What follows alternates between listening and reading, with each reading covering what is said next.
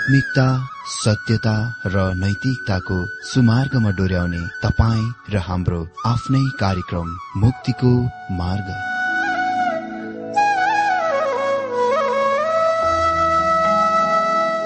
आदरणीय श्रोता यस मुक्तिको मार्ग कार्यक्रममा हार्दिक स्वागत छ। आशा छ यस आत्मिक कार्यक्रमद्वारा जीवनमा आत्मिक आशिष अलौकिक शान्ति र आनन्द प्राप्त गर्नुहुनेछ। र जीवनमा धन्य अनुभव गर्नुहुनेछ। आउनुहोस् श्रोता। मन र आत्माको तयारीको लागि यो मिठो अनि मधुर भजन गीत सुनौ।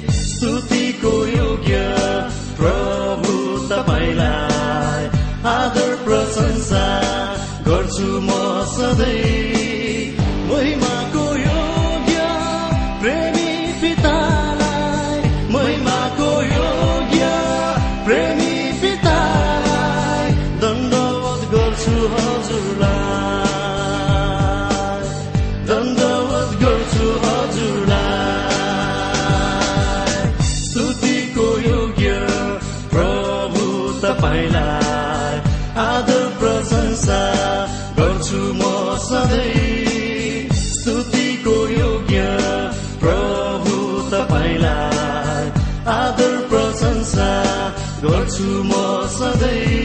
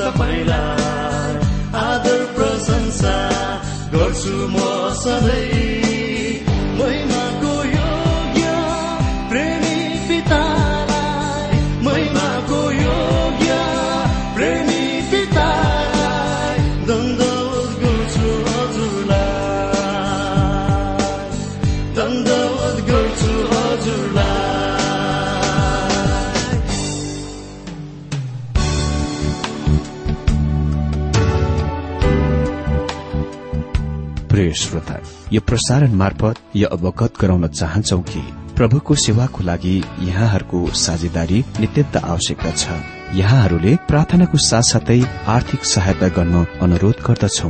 तपाईँहरूको सानोभन्दा सानो भेटी किन नहोस्? हामी प्रभुको नाममा स्वीकार गर्नेछौ प्रभुको सेवाको लागि। तपाईँहरूको यो सानो लगानीले कसैको जीवनमा भिन्नता ल्याउँछ अनि प्रभुको महिमा हुन्छ। प्रभु तपाईँहरूलाई महान गरी आशिष दिनुहुनेछ। इच्छुक श्रोताहरूले तपाईँको इच्छा भेटी हाम्रो ठेगानामा पठाउन सक्नुहुन्छ जुन ठेगाना हामी कार्यक्रमको अन्तमा दिनेछौं। प्रिय श्रोता मित्र प्रभु येशु ख्रिष्टको मधुर अनि सामर्थ्यनामा मेरो जयमसी तथा हार्दिक स्वागत छ आजको यो बाइबल अध्ययन कार्यक्रममा। श्रोता आज हामी जकरिया चार अध्यायबाट बाइबल अध्ययन गर्न शुरू गरिरहेका छौं। अहिले हामी जकरियाको सातौं दर्शनतिर आएका छौं। उसले देखेका दर्शनहरूका सोच्दाखेरि हामी स्पष्ट कथाको देख्न सक्छौं। उसले देखेका छन्। पहिलो मेहेदीका रूखहरू मुनि घोडसवारहरू दोस्रो चार सिंहहरू अनि तेस्रो चार कालीगढहरू चौथो नाप्ने डोरी हातमा लिएको मानिस पाँचौं यहोसु र शैतान छैठौं हाँगा र सातवटा आँखा भएको चट्टान। अहिले पहिले चार दर्शनहरूले बाइबलको सतावट यातना र दासत्वबाट बाहिर छुटकाराको संकेत गर्दथ्यो वा प्रतीक गर्दथ्यो ती दर्शनहरूले अन्तको समयहरूतिर पनि हेर्दथ्यो जब इसरायल फेरि पूरा संसारभरि तितर बितर छरिनेछन् जस्तो कि आज तिनीहरू छन्। त्यसपछि तिनीहरू आफ्नो मुलुकमा फर्किआउँदछन् जब प्रभु येशुले तिनीहरूलाई वापस ल्याउनुहुन्छ। पाँचौं र छैटौं दर्शनहरूले आन्तरिक उद्धारको छुटकाराको प्रतीक वा संकेत गर्दथ्यो। प्रधान पुजारी जसले गन्धफोर पोषक पहिरेका थिए जुनलाई परमेश्वरले फुकालिदिनु भएर सफा पोषक लगाइदिनुभयो। यसले ती मानिसहरूको कथाको बताउँछ जसलाई उद्देश्यको लागि त्यस मुलुकमा वापस फर्काइ ल्याइएको थियो। तर तिनीहरूलाई तिनीहरूका पापमा प्रयोग गरिन सकिँदैन। तिनीहरूलाई शुद्ध पवित्र गरिन आवश्यक छ। तर तिनीहरू स्वयंले आफैलाई शुद्ध गर्न पवित्र गर्न सक्दैनन् र तिनीहरूका धर्मले पनि त्यो गर्न सक्दैन। शुद्धिकरण वा पवित्रकरण बाहिर कसैबाट आउन आवश्यक छ। यसैया एक अध्यय अठार पदमा लेखिएको छ परमप्रभु भन्नुहुन्छ अब आओ हामीसँग सँगै बसेर आफ्नो कुराको छलफल गरौं। तिमीहरूका पापहरू सिन्दुरे रंगका भए तापनि ती हिउँ जस्तै सेता हुनेछन्। गाढ़ा रात रंगका भए तापनि ती उन जस्तै हुनेछन्।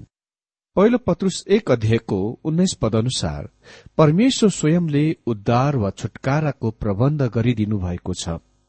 अर्थात निर्दोष अनि निष्कोट पाठोको रगत अर्थात ख्रिष्टको बहुमूल्य रगत जुनद्वारा हाम्रो छुटकारा हुन्छ। शुद्धिकरण वास्तवमा उद्धार हो। तितस तीन नदिएको पाँच पदमा लेखिएको छ तब हामी आफैले गरेको धर्मका कामहरूद्वारा होइन तर उहाँको कृपा अनुसार उहाँले हाम्रो उद्धार गर्नुभयो। नयाँ जन्मको स्नान र पवित्र आत्माको नवीकरणद्वारा।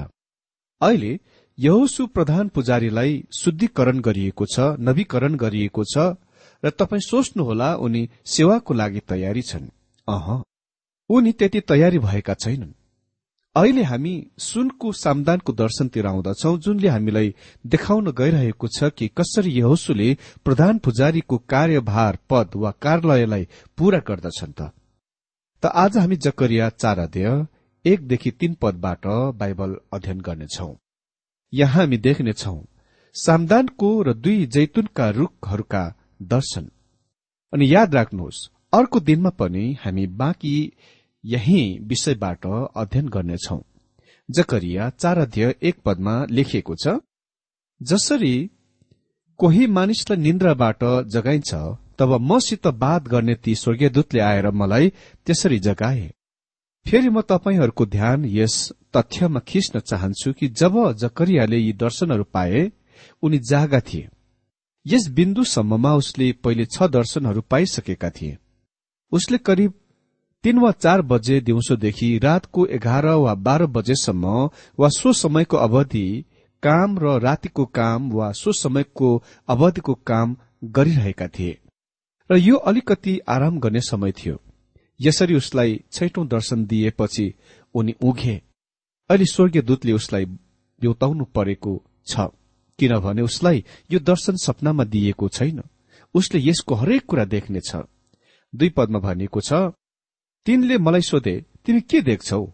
मैले जवाब दिएँ जम्मै सुनको एउटा सामदान म देख्दछु। त्यसको टुप्पामा एउटा बटुको छ। त्यसमाथि सातवटा बत्ती छन् र टुप्पोमा भएको प्रत्येक बत्तीमा सातवटा नली गाँसिएका छन्। हजुर सामदान चाहिँ भेट हुने पाल वा पवित्र वासस्थानको पवित्र स्थान र पछिबाट मन्दिरमा राखिएको थियो। अनि हाम्रो दिनमा यो इसरायल राष्ट्रको एक प्रतीक हो। यो राष्ट्रको अरू प्रतीकहरू पनि छन् जुन शास्त्रमा प्रयोग गरिएका छन् जस्तै जलिरहेको पोथ्रा डाकबोट जैतुनको रूख तर यहाँ चाहिँ त्यो सामदान हो। भेट हुने पाल वा पवित्र वासस्थानमा र पछिबाट मन्दिरमा सातवटा हाँगा भएको सामदान त्यहाँ भएका सरसमान मध्ये सबभन्दा सुन्दर टुक्रा सामान थियो। यो निकुर सुनबाट हातले बनाइएको थियो। बेबाजिल निपुण कालीगणले यसको मौलिक रूपमा शुरूमा बनाएथे। मुख्य डाँटबाट एकातिर तीन हाँगा र अर्कोतिर तीन हाँगाहरू गएका हुन्थे र ती प्रत्येक तीन हाँगाका टुप्पोमा बदामका खुलेको फूल जस्तै सुन्दर रूपले बटुकाहरू बनाइएको थियो जुनमा बत्तीहरू राखिन्थे। प्रधान पुजारी नै सामदानको रेखदेख गर्ने कर्तव्य वा अभिभार लिँदथ्यो। उसले बत्तीहरूको बाल्दथ्यो र त्यसमा तेल सधैँ हाल्दथ्यो। साथै सलेदोहरूको छाँटकाट गर्ने काम र ती बत्तीहरू निरन्तर बलिरहेका छन् कि छैन सो कुरा देख्ने रेखदेख गर्ने पनि उसकै काम थियो। प्रकाशको पुस्तकमा हामीसँग हाम्रा प्रधान पुजारी प्रभु येशु ख्रिस्टको तस्विर छ जुनमा उहाँ सामदानहरूको बीचमा हिँडुल गरिरहनु भएको छ जुन सामदानले एसिया माइनरका सात मण्डलीको प्रतिनिधित्व गर्दथ्यो। उहाँले तिनीहरूलाई चेतावनी दिनुभयो यदि तिनीहरूले आफ्ना पापहरूका प्रस्ताव नगरे उहाँले तिनीहरूका सामदानहरू हटाउनुहुनेछ। अनि उहाँले बिल्कुल त्यसै गर्नुभयो। आज त्यो एसिया माइनरमा भएका सात मण्डली जुन चाहिँ आधुनिक तर्की हो ती सात मध्ये एउटा पनि मण्डली अस्तित्वमा छैन। तिनीहरू सबै विध्वंसहरूमा भग्नावशेषहरूमा पसिरहेका छन्। ख्रिस्टले तिनीहरूका सामदानहरूलाई हटाउनुभयो। अनि आज पश्चिमेली मुलुकमा हाम्रा प्रधान पुजारी प्रभु येशु ख्रिस्टले ती धेरै मण्डलीका ढोकाहरू बन्द गर्नुभएको छ जुनले परमेश्वरको वचन बाहिर दिइरहेका थिएनन्। हाम्रा प्रभुसँग सलेदो काट्ने छाट्ने कैची छ र उहाँले तिनीहरूलाई काटेर फ्याँक्नुहुन्छ। अनि यहाँ जकरियाको दर्शनमा तस्विर चाहिँ इसरायल राष्ट्रको हो जुन सामदानद्वारा प्रतिनिधित्व गरिएको छ संकेत गरिएको छ जुन भविष्यमा संसारमा परमेश्वरको लागि साक्षी बन्नेछ। त्यसको टुप्पोमा एउटा बटुको छ। यो कुनै नयाँ कुरो हो जुन सामदानमा थपिएको छ। अनि यो सुरुको सामदानको ढाँचा बनाउने कामको लागि मोसालाई दिइएको आज्ञा वा निर्देशनहरूमा तपाई यसको चाहिँ भेटाउनुहुन्न। यहाँ चाहिँ बटुको छ सामदानमा। जुन सात बत्तीहरूमाथि तेलको वा तेल सञ्चय गर्ने भाँडाको रूपमा काम गर्दछ ताकि तेलहरूमाथि शिर टुप्पोमा राखिएको तेलको बटुकोबाट बत्तीमा गुरुत्व आकर्षणद्वारा भन सकोस्। दर्शनमा तेल नै सबभन्दा महत्वपूर्ण कुरा हो। सामदानले ख्रिस्टको बताउँछ। तेल सहितका ती बत्तीहरूले पवित्र आत्माको बताउँछ। हामीसँग सामदानको तेल भन्दा पवित्र आत्माको कुनै उक्तम अर्को तस्विर छैन। जबकि तेलले पवित्र आत्माको प्रतिनिधित्व गरेकोले गर्दा वा दर्शाएकोले गर्दा त्यहाँबाट आउने ज्योति वा त्यसले दिने ज्योतिले चाहिँ ख्रिष्टको प्रतिनिधित्व गर्दछ वा दर्शाउँछ। किनभने उहाँ संसारको ज्योति हुनुहुन्छ। सामदानले सम्भवत ख्रिस्टको सबभन्दा अधिक पूर्ण तस्विरको दिन छ। सामदानको नाप दिएको छैन किनभने ईश्वरत्वको नाप्न असम्भव छ। यो अति नै अद्भुत तरिकामा ढाँचा दिइएको थियो। र प्रत्येक सात हाँगाका टुप्पोमा चाहिँ बदाम फूल फुलेको जस्तै बत्तीहरू थिए जुनमा तेल र सलेदो लगाइन्दथ्यो र त्यसमा प्रधान पुजारीले बाल्दथ्यो जब प्रभु येशु ख्रिस्टले यो पृथ्वी छोड्न तयार भइरहनु भएको थियो उहाँले आफ्ना चेलाहरूलाई भन्नुभयो उहाँ पवित्र आत्मा पठाउनुहुनेछ। युहान सोह्र अध्यायको तेह्र र चौध पदमा भनिएको छ।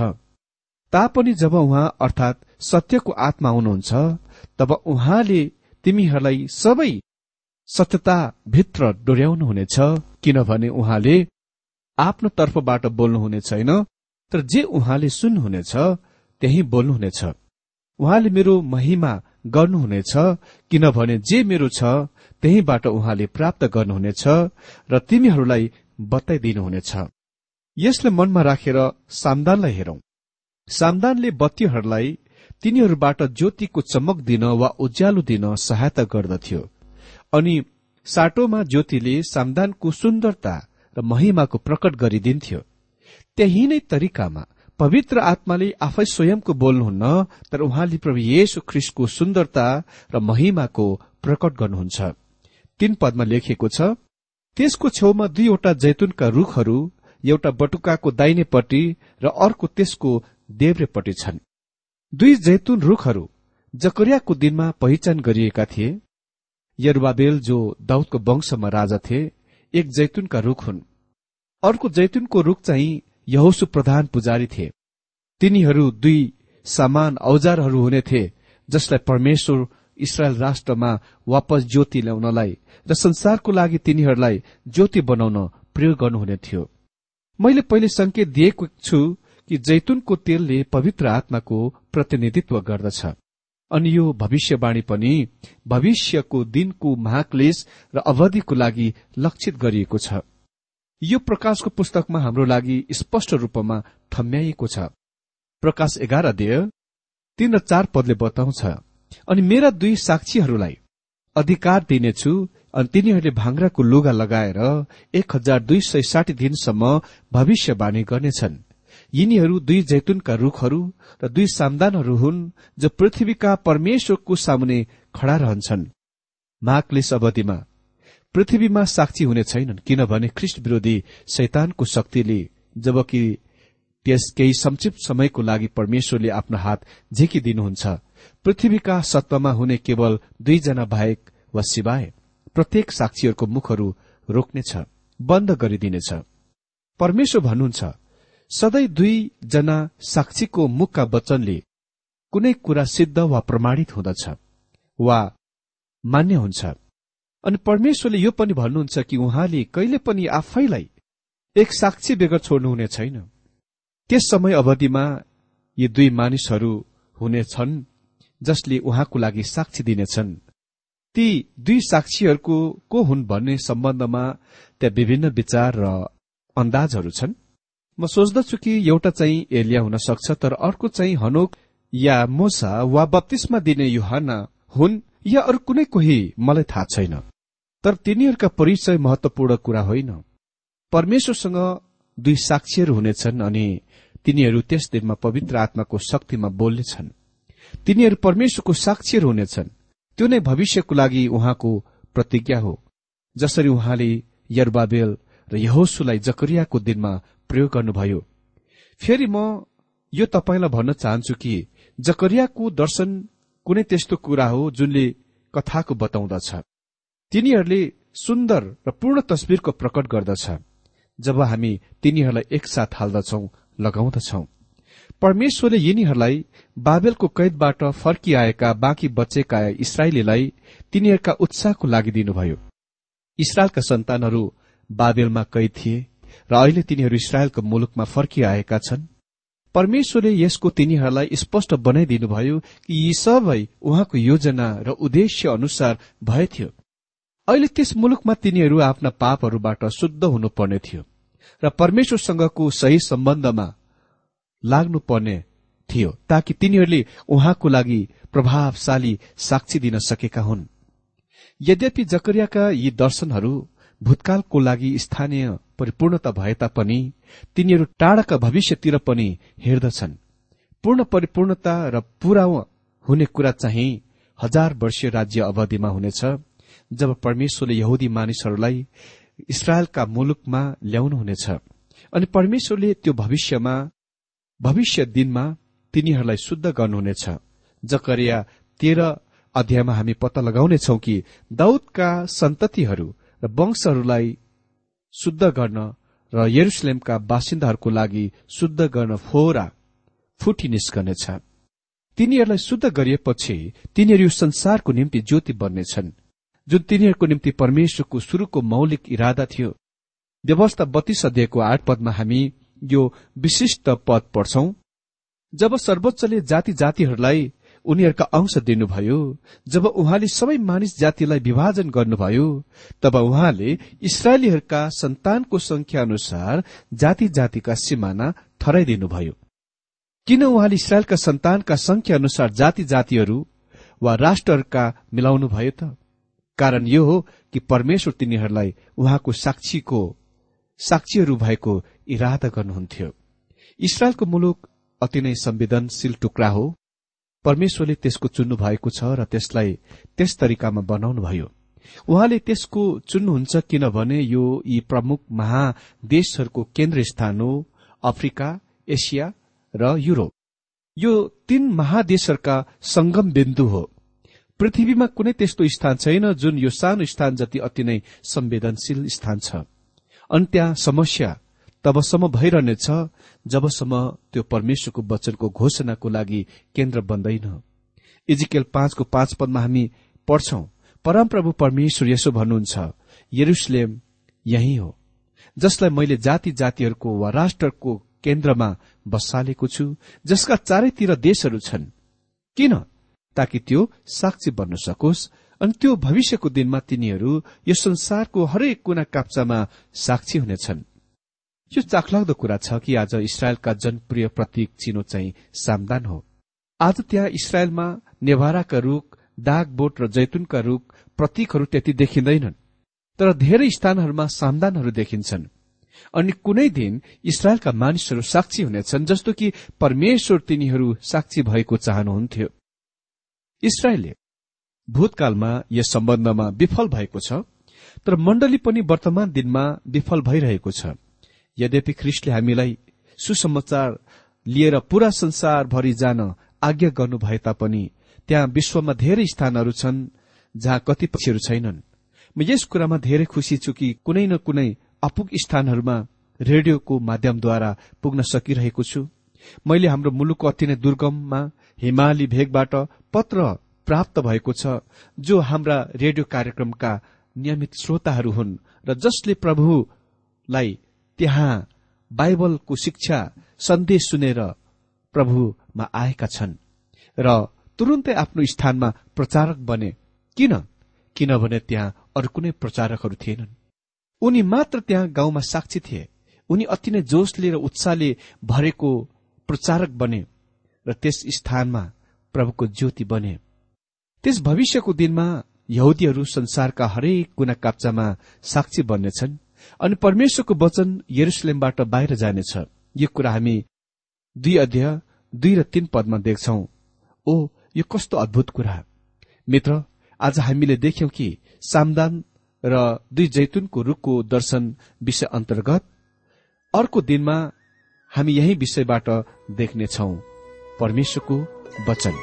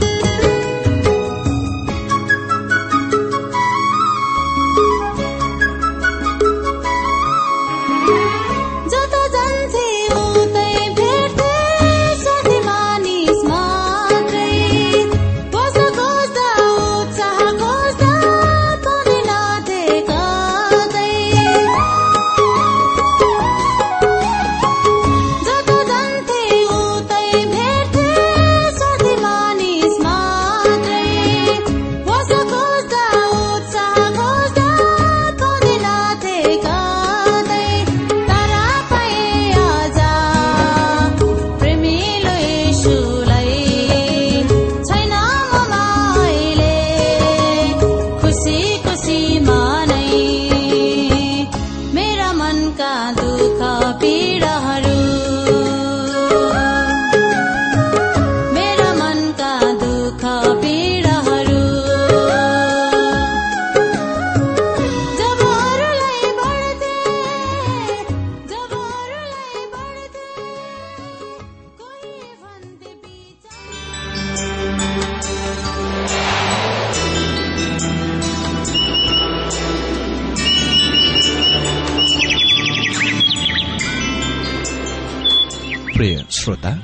भर्खरै तपाईँले टीडब्ल्यूआर नेपालद्वारा सञ्चालित आत्मिक कार्यक्रम मुक्तिको मार्ग सुनिरहनु भएको थियो। श्रोता आजको यो कार्यक्रम सुनेर तपाईँलाई कस्तो लाग्यो? यदि यो कार्यक्रम सुनेर मनमा कुनै खुल्दुली वा कुनै प्रतिक्रिया अर्थात सुझावहरू छन् भने हामीलाई पत्रद्वारा लेख्न सक्नुहुनेछ।